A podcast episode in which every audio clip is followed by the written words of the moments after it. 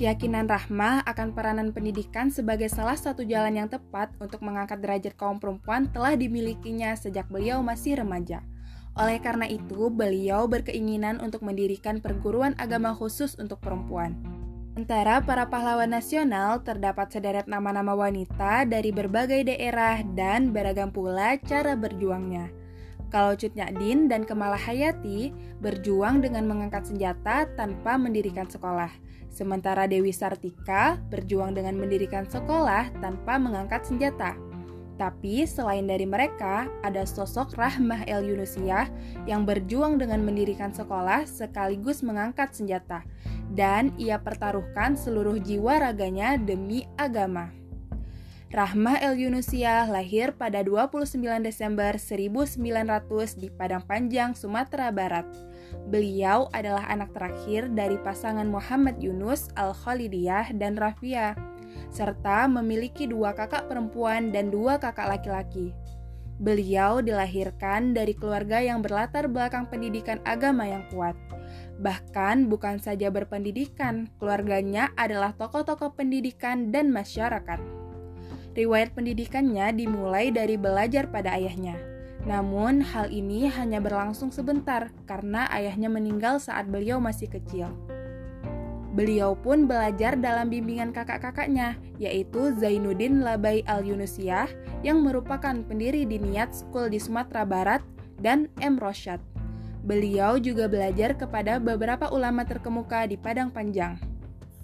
Di samping pendidikan agama yang diperolehnya, beliau juga belajar ilmu kebidanan dan ilmu kesehatan. Pada 1 November 1923, Rahmah membuka madrasah Diniyah Li Al-Banat sebagai bagian dari Diniyah School yang dikhususkan untuk murid-murid putri. Mulanya terdapat 71 orang murid yang kebanyakan terdiri dari ibu-ibu rumah tangga muda. Pelajaran diberikan setiap hari di sebuah masjid di Pasar Usang, Padang Panjang. Di samping itu, beliau juga mulai mengadakan usaha pemberantasan buta huruf bagi kalangan ibu-ibu yang lebih tua. Di bawah kepemimpinan Rahmah, Diniyah Putri berkembang pesat. Keberhasilan lembaga ini mendapat perhatian dan pujian dari berbagai tokoh pendidikan, pemimpin nasional, politikus, dan tokoh agama, baik dalam maupun luar negeri. Hal ini terbukti pada tahun 1957 beliau memperoleh gelar Syekh dan gelar ini belum pernah dianugerahkan kepada siapa pun sebelumnya. Jati dirinya sebagai mujahidah sejati tetap beliau buktikan saat menentang pemerintah Jepang yang kala itu masih menjajah Indonesia. Beliau memelopori pembentukan Tentara Keamanan Rakyat atau TKR di Padang Panjang dari Senat Guru Besar Universitas Al-Azhar Mesir menjamin seluruh pembekalan dan membantu pengadaan alat senjata mereka sewaktu Revolusi Nasional Indonesia. Beliau juga terpilih sebagai anggota DPR mewakili Masyumi dalam pemilu 1955. Pada 1961, Rahmah kembali memimpin perguruannya setelah tiga tahun ditinggalkannya sejak pecahnya pergolakan PRRI. Pada 1964, Rahmah menjalani operasi tumor payudara di RS Pirngadi Medan. Beliau bertahan selama lima tahun dan tutup usia pada 26 Februari 1969. Beliau meninggal mendadak dalam keadaan berwudu hendak sholat maghrib. Jenazahnya dimakamkan di perkuburan keluarga yang terletak di samping rumahnya.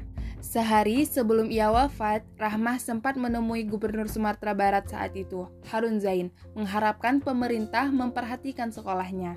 Dari cerita singkat tentang Rahmah El Yunusiah ini dapat kita ambil sebuah nilai yang sangat besar bahwa sebagai kaum wanita kita mengemban suatu amanat untuk mencerdaskan bangsa melalui anak-anak kita. Perjuangannya yang gigih dan tak pantang menyerah serta tak mengenal rasa takut tidak hanya patut untuk diancungi jempol, namun perlu untuk ditiru dan dilanjutkan. Karena sejatinya kita semua sebagai seorang wanita merupakan tempat pertama dalam menuntut ilmu bagi anak-anak kita kelak. Semoga bermanfaat.